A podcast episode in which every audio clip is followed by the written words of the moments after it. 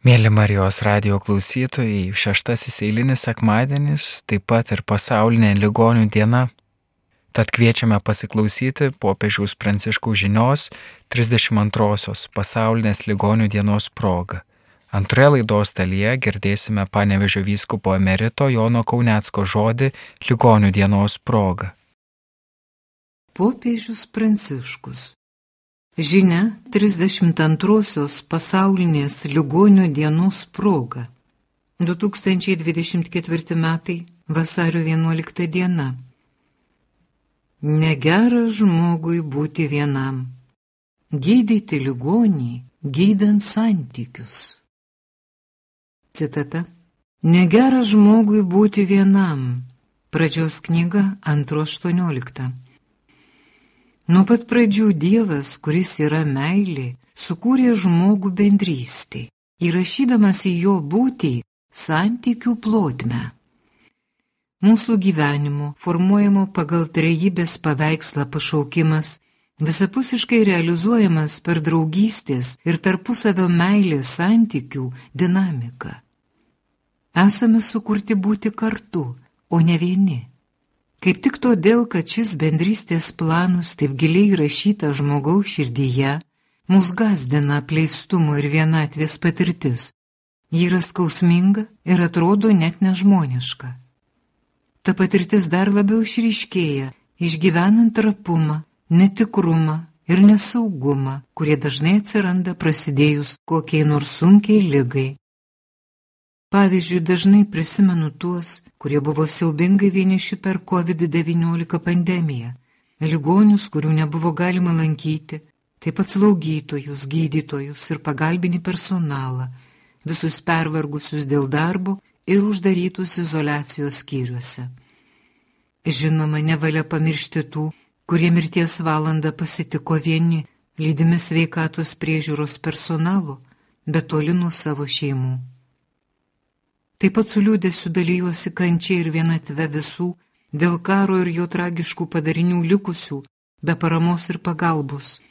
Karas yra baisiausia socialinė lyga, o pažeidžiamiausi žmonės už ją sumoka didžiausią kainą. Tačiau reikia pabrėžti, kad net ir taikiai gyvenančiuose bei daugiau išteklių turinčiuose šalyse senatvės ir lygos metą dažnai patiriama vienatvė, o kartais net apleistumas. Šią liūdną tikrovę daugiausia lemia individualizmo kultūra, kuri aukština produktyvumą bet kokią kainą ir puoselėja efektyvumo mitą. O kai žmonės nebeturi jėgų išlaikyti tempo, ji pasirodo esanti abejinga ar net negailestinga.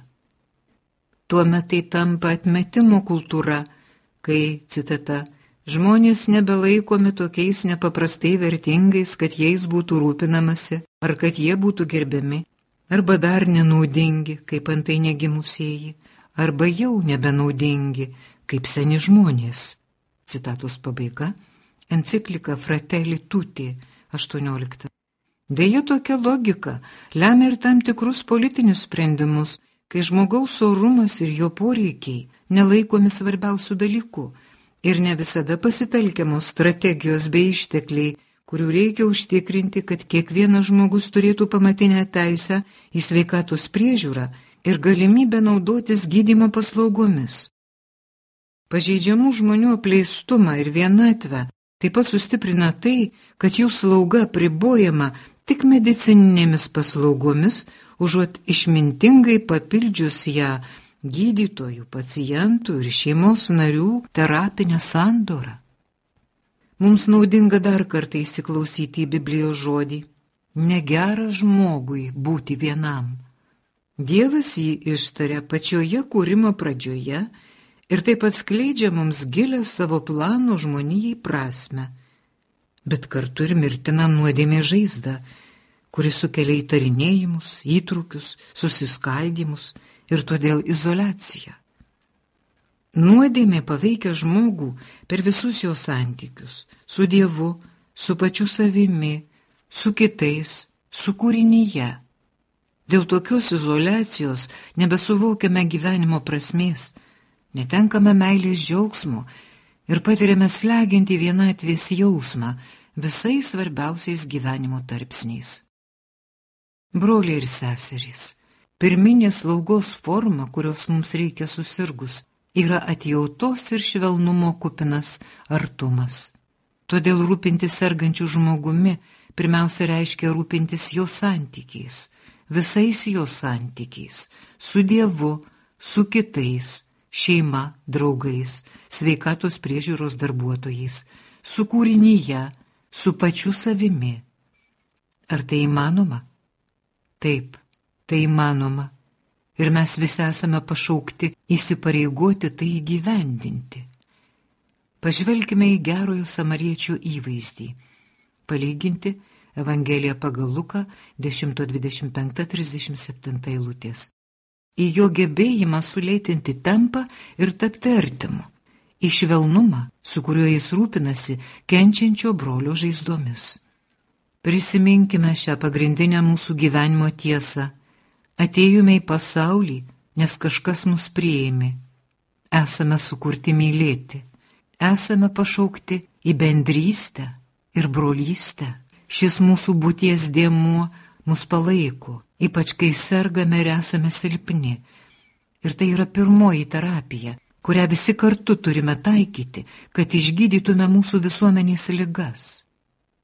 Varginamiems lygos nesvarbu, ar tai laikinas negalavimas ar lėtinė lyga. Norėčiau pasakyti, nesigėdinkite artumo ir švelnumo troškimo, neslėpkite jo ir niekada nemanykite, kad esate našta kitiems. Ligonių būklė kviečia visus stabdyti mus įsukus į tempą ir iš naujo atrasti save. Šiuo epochiniu permainų laikotarpiu, ypač mes, krikščionys, esame kviečiami perimti gailestingumo kupiną Jėzaus žvilgsnį. Rūpinkimės tais, kurie kenčia ir yra vieniši, galbūt nušalinti ir atstumti Gydykime vienatvės ir izolacijos žaizdas tarpusavio meilę, kurią viešpats Kristus mums dovanoja per maldą, ypač per Eucharistiją. Taip bendradarbiaujame, priešindamiesi individualizmo, abejingumo, atmetimo kultūrai ir ugdydami švelnumo bei atjautos kultūrą. Ligoniai, pažeidžiamieji, vargšai yra bažnyčio širdyje Jie taip pat turi būti mūsų žmogiškojo dėmesio ir pastoracinio rūpinimuose centre. Nepamirškime to. Paveskime save švenčiausiosios mergelės Marijos ligonių sveikatos užtarimui, kad ji mums padėtų būti artumo ir broliškų santykių kūrėjais. Roma Laterano Šventojo Jono bazilika 2024 m. sausio 10 diena. Pranciškus. Klausėmės popiežiaus pranciškų žinios 32-osios pasaulinės ligonių dienos proga, skaitė diktorė Violeta Mitskevičiūtė. Na, o netrukus girdėsite panevežio vyskupo emerito Jono Kaunecko žodį skirtą šiai progai. Mėly ligoniai, mėly ligonių slaugytojai, globėjai, sveikinu, sveikinu visus. Juk vasario 11 pasaulinė ligonių diena. Popiežių šventasis Jonas Paulius II vasario 11 paskelbė pasaulinę ligonių dieną. Kodėl paskelbė? Vasario 11-ąją Marija pasirodė Lurde, Prancūzijoje, Bernadetai, lygotai mergaitė. Atkreipkite dėmesį, lygotai mergaitė. Marija troško jai ir visiems ligonėms padėti. Ar daug Marija padeda? Taip, nepaprastai daug. Lurde yra išgydyta daugybė tūkstančių ligonių. Yra daugybė paliūdėjimų ir daugybėje kitų vietų. Lietuvoje, aušros vartuose, šiuvoje arba ir paprastose bažnyčiose. Žiūrėk prie Marijos paveikslų ar statulų kabo votai. Padėko ženklai už išgydymą. Niekur tiek neįvyksta stebuklų, kaip Marijos šventovėse. Lurdė net yra speciali komisija, kuri tikrina, ar išgyjimas nepaaiškinamas natūraliai, ar tikrai stebuklingas. Ir tada komisija pripažįsta stebuklu, jeigu nustato gydytojų komisija, kad natūraliai žmogus negalėjo įvykti. Stebuklai tikrai vyksta. Tokio pavadinimo knygą išleido seselė Bridžė Makeina. Yra išversta toji knyga į lietuvių kalbą. Brangieji, bet daugeliu kyla klausimas, tikriausiai ir jums kyla, kodėl melžiantis, prašant išgyjimo, stebuklai nevyksta staiga. Atrodo, kad toks yra paties Dievo planas. Juk Morkaus Evangelijoje aprašytas aklasis, maldavęs Jėzų išgydyti. Prisiminkime, po pirmojo palietimo Jėzus įklausė, ar ką nors matai? Šis matė neaiškiai žmonės lik kokius medžius. Jėzus antrą kartą vėl palėtė jo akis ir aklasis visiškai praregėjo. Jėzus jau galėjo pagydyti iš karto. Kodėl jis to nepadarė? Dievas ne iš karto gydo.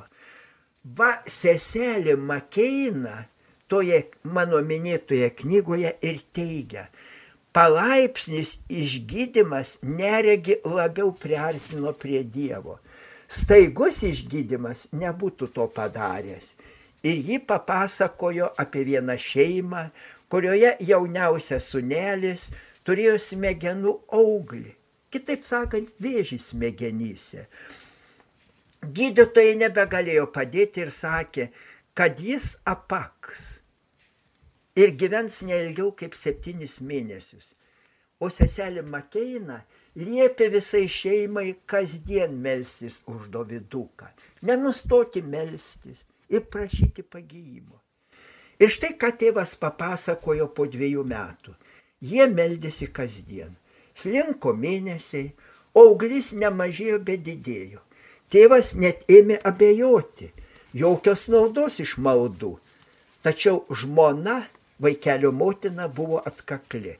Praėjo septyni mėnesiai, o Davidukas vis dar gyvas. O jų gydytojai buvo sakę, kad po septynių mėnesių jo nebebus. Nors auglys augo, bet jis nepako. O gydytojai buvo sakę, kad yra paks. Tik po šešiolikos mėnesių auglys ėmė mažėti ir pagaliau visai išnyko. Vaikelis pagyjo. Gydytojai stebėjosi kartu su visa šeima. Ir Dovidukui pasveikus, net broliai paaugliai nenustojo kasdien melstis. Malda tapo jų gyvenimo dalimi. Per du metus jie buvo visiškai perkeisti. Įvykus taigiam pagyjimui, jie niekada nebūtų to patyrę. Ką čia turime pastebėti? Rūpestis ligoniais, malda už ligonius perkeičia žmogų, apipila malonėmis ir tuos, kurie nepalieka ligonių vienų jų skausmuose. Tai pastebi visi kunigai, kurie dažnai lanko ligonius. Tokių kunigų veiklą, jų apaštalavimą ypatingai laimina Dievas, nes Jėzus yra pasakęs, aplankėte ligonį, mane aplankėte. Sunkus ligoniai, kenčiantis ligoniai yra didžiausia pasaulio brangenybė. Nors dažnai jie net pajudėti negali ir kiti juos turi prižiūrėti. Turėdami didelių problemų mes viskupai ir kunigai turime jūs, brangiai ligoniai. Jūs turime kaip pačius galingiausius pagalbininkus, ypatingai jumis remiamės. Kuo daugiau lankome ligonių, kuo daugiau prašome jų maldų, tuo daugiau bendruomenėse atgyja tikėjimas. Šventoji Teresėlė, garsioji ligonė kenčianti, yra pasakiusi, daugiau sielų išgelbsti kančia negu pamokslai. Kodėl?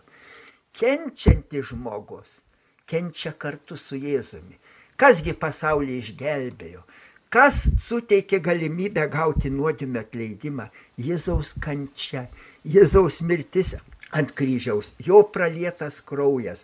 Todėl ir ligoniai šitai patirdami irgi yra ypatingai artimi tiems, su kuriais jie bendrauja. Ne vienas kunigas gali pasidalinti savo patirtimi.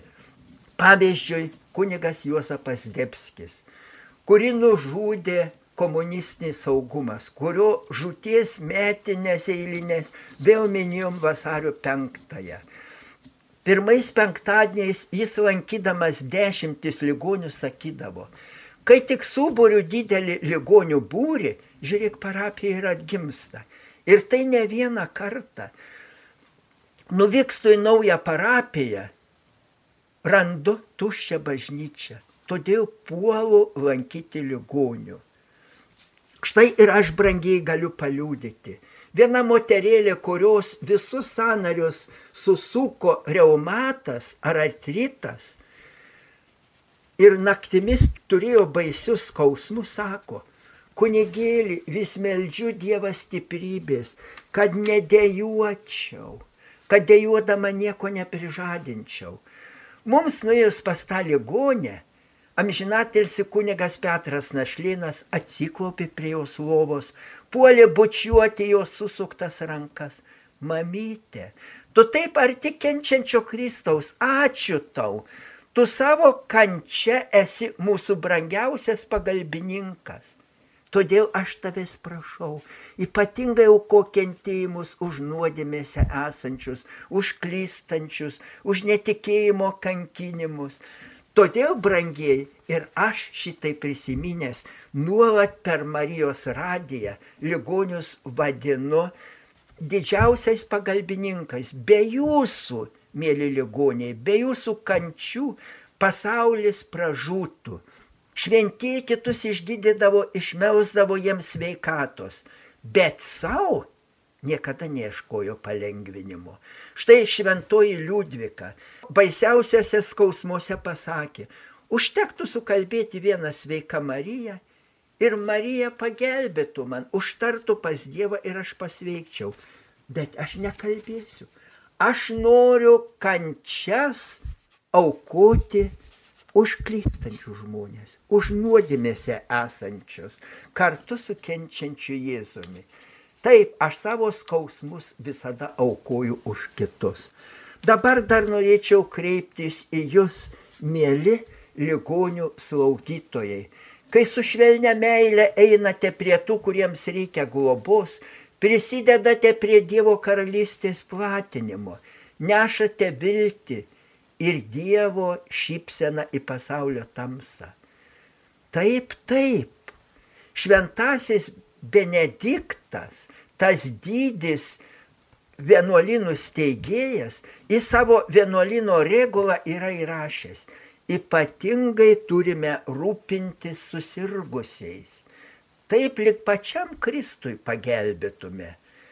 Taip, brangiai ligonių globėjai. Jėzus yra pats pasakęs, kad paskutinėme teisme išgirsime jo žodį. Buvau ligonis, mane aplankėte. Paveldėkite nuo pasaulio sukūrimo jums paruoštą karalystę. Brangieji, nepamirškime, ligonių slaugimą Jėzus vertina kaip patarnavimą jam. Tada tampame Jėzui ypatingai artimi. Todėl kartu su slaugomais ligoniais galime keisti pasaulį, daryti jį geresniu. Laimė nekalantis prie kryžiaus Jėzų, bet kartu su Jėzumi nešantis kryžių. Nes ne tie tvirtieji laiko pasaulį, ne tie viską laužantis, bet tie silpnieji kenčiantis. Mūsų poetas Justinas Marcinkievičius yra parašęs, silpnieji privalo laikyti pasaulį, nes niekam daugiau jis nerūpi. Taip, pasaulis nerūpi galingiesiems. Jūs jį laikote pasaulį. Ačiū jums, kurie laikote pasaulį, kurie saugote jį nuo pražūties. Ir tai pajutome ne tik mes, kunigai, mokslininkai tai gali patvirtinti, tai brangiai, mokslininkai. Tai ypatingai pajuto jautrus ligonių skausmams garsusis pasaulio medikas Aleksis Karelis. Jis Nobelio premijos laureatas. Pirmasis pasaulyje praėjusiame amžiuje pradėjo audinių ir organų persodinimus. Jis būdamas netikintis, atsiliepia į sunkių ligonių troškimą išgyti ir lydėjo juos į lurdą. Kai jo akivaizdoje pagyja mirštanti mergaitė, tuberkuliozės sunaikintais plaučiais, jis nebegali būti netikint. Jis tampa tikinčiu, nes matė, pats buvo prognozavęs, numatęs, kad ši mergaitė numirs. O nuvykusi į Liurdą, nors jis prieštaravo jos gabenimui į Liurdą, jis taiga pagijo ir vėliau tyrinėjant rado pas ją sveikus plaučius. Dar daugiau, būdamas tyrinėtojas kartu su bendradarbiais klinikose, jis ima tirti maldos veikimą įtraukia į klinikinius tyrimus netikinčius darbuotojus. Ir kągi jis nustato? Pasirodo, ligoniai žymiai geriau gyja, kai jie melžiasi. Va, brangiai ligoniai, atkreipkite dėmesį, kad ir labai skauda, melskitės. Nes jis tyrimais, daugybę tyrimų klinikose atliko ir nustatė, kad ligoniai geriau gyja, kai jie melžiasi ir net žaizdos pastebimai greičiau gyja, kai jie yra sužeisti. Taipogi pastebėjo tyrimuose jis tai, kad jei kas nors už ligonį ar greta ligonių meldžiasi, taip pat darosi ligonis sveikesnis. Tas garsusis Nobelio premijos laureatas Aleksis Karelis net prieina išvados, kad modernios žmonijos tokio dažno lyguistumo priežastis yra nuodėmė, moralės krizė. Apie tai rašo jis knygas. Jo nuomonė, tik tikėjimas, tik malda gali išgelbėti žmoniją nuo tos didžiausios lygos nuodėmės, kuri naikina žmoniją. Tikėjimas ne tik prikelia žmogaus dvasę, bet ir duoda žmogui tokį jautrumą, kad jis net be atlyginimo būdi prie naktis prie, prie ligonio lovos ir turtingieji net ir gerą tik tada daro. Už visą tai Aleksis Karėlis dėkojo Lurdo Marijai. Ir mes su palaimintoju Jonu Pauliumi antruoju, su šventuoju, tarkime jo ištartus žodžius, dėkojant Šiluvos Marijai. Šventoji Šiluvos mergelė, ligonių sveikata, slegiančios kančios ir ilgų išbandymų metais, tu nepalioviai žvelgusi į Lietuvą kryžių žemę. Taip šventasis Jonas Paulius II kalbėjo Šiluvoje, meldėsi Šiluvoje, kaip lankė Lietuvą. Taip brangiai ir mes dėkojime Marijai už nuolatinę Lietuvos globą Dėkojime už ligonius, kurie savo kantrybę išprašo tiek daug malonių. Dėkojame ir už medikus, kurių pasiaukojimas padeda ligonėms ištverti skausmus. Taip, brangieji, amžiais nėra girdėta, kad Marija apleistų bent vieną, kas šaukėsi jos pagalbos. Bet, brangiai, dabar jums klausimas. Ar visada ligoniai kantrus? Ar visada iš, įmanoma išlaikyti kantrybę? Ar kartais lyga nepadaro žmogaus nekantriu, tiesiog gyvenančių nuodėmė? Pakviesiu jūs į vieną autobusą. Visada autobusuose, traukiniuose yra vietos invalidams ligonėms. Kartą į autobusą įlipo moteris ir prašė užleisti vietą ten priekinėse sėdinėse sėdinčių vyrų. Tie du vyrai ėmė šaukti, kad jie irgi ligoniai, ko čia kimbi. Moteris ir sako, ko jūs tokie pikti. Jei kūnas lygotas, argi būtinai turi būti ir dvasia lygota. Štai vėl noriu priminti, kad didžiausia žmonių lyga yra nuodėmė. Dažniausiai lygotas žmogus teisinasi, kad jo nekantrumą, jo įtarinėjimą, jo blogį sąlygoja aplinka.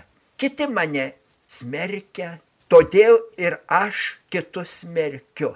Žinome, kad tokia visuomenė šiandienė gerovę galima pavadinti nuodėmės gerovė. Kai kino filmuose spaudoje nuodėmė vaizduojama tokia patraukli, imkim, neištikimybės paleistuvystės nuodėmė. Jau kino filmuose, televizijoje rodoma kaip žvaigždės tokie, kur gyvena su ketvirtu, penktu, trečiu. Kai nuodėmė vaizduojama tokia patraukli, neįmanoma pasipriešinti nuodėmiai, nes tave laikys nenormaliu. Šitaip žmonija pasiduoda nuodėmės veikimui. Bet ką pastebi medicina? Neliga sužaloja dvasę, bet lygota dvasia padaro kūną lygotą. Kuo daugiau visuomenėje blogio, atkreipkime dėmesį, tuo daugiau ir lygų.